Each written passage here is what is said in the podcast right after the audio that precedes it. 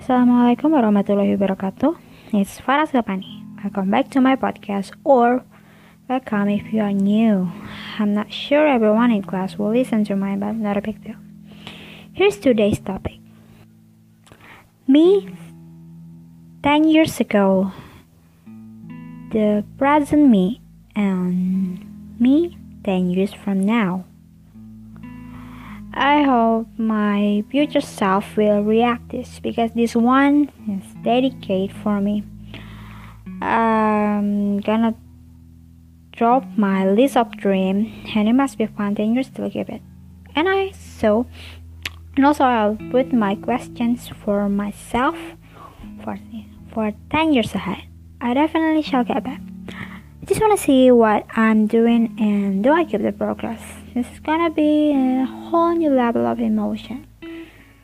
Thank you so much to Miss Dina has created this topic so I can make an idea what should I done in my life addressing my future self and this is gonna encourage me to think what I'm gonna do. This is accurately 10 years ago. The best moment that I still remember what I would tell to my 11 years old me like you are cooked. You are amazing. Don't stop dreaming and please go study math.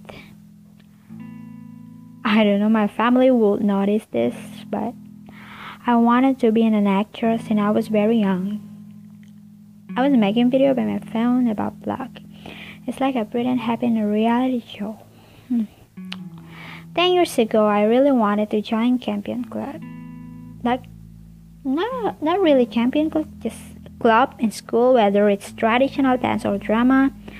But I cannot decide it. I cannot just got into that. My art teacher wouldn't notice me. He only took an attractive student. That hurts me a lot. At least I got into the drum and stuff. By the way, I have a huge crush with my neck boy. I cannot spell his name.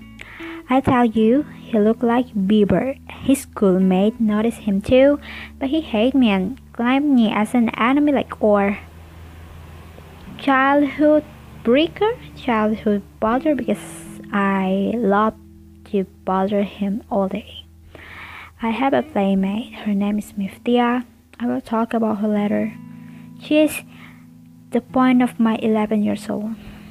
We had so much fun childhood. Half people in class they made fun of me about my lips. That was when I was in sixth grade of elementary school. But now I understand it. They was still child. I only got pretty much five friends, but I don't keep in touch until now with them. I still remember the first time I became a believer on that age. I yeah, the first song I sang were a baby, then one time, and then Taylor Swift's "You Belong with Me." That's why I love English. Ten years ago, I never thought I will be an English college teacher. Yeah, 11 years old me made me feel the old one and stand up for the same time. And look how I become now. I wholeheartedly enjoy my life and every aspect of it, like the people, home, the atmosphere itself, even the negative life doesn't eventually burn me out. I'm not gonna talk much about my present because I don't know. The thing I'm certain of is God gives the best of me. I just want to be thankful. I couldn't ask for more, or I just want to be grateful. Then now, just want to say congratulations for me because I have gotten English department. I've been always wondered since junior high school how cool I am if I talking just like all the time. I, crushed it. Ten years later, it was show that I that like I never know what can happen. It scares me a little to know that in one short decade I will be 31 years old and that my years of youth are coming to an end. I'm sure that with perseverance and the help of the people I love, as well as God. I will make my future. Here's my dream list. I will have the chance to travel around the world and meet many beautiful places. The first city I really wanted to go is Jogja because Jogja is such a pretty and iconic. I was really want to go there. And then I do really wanted to get college there, but things not just happen. But see in 10 years. I hope I still carrying people around me. I hope I could adopt healthier lifestyle. I know I'm gonna earn it. Job. I always wanted to get my dream job. Actually. I want to be smarter and more independent than now, but I cannot wait until 10 years. Yeah. Here we go. Question 14 years ahead. Hi, 31 Faras.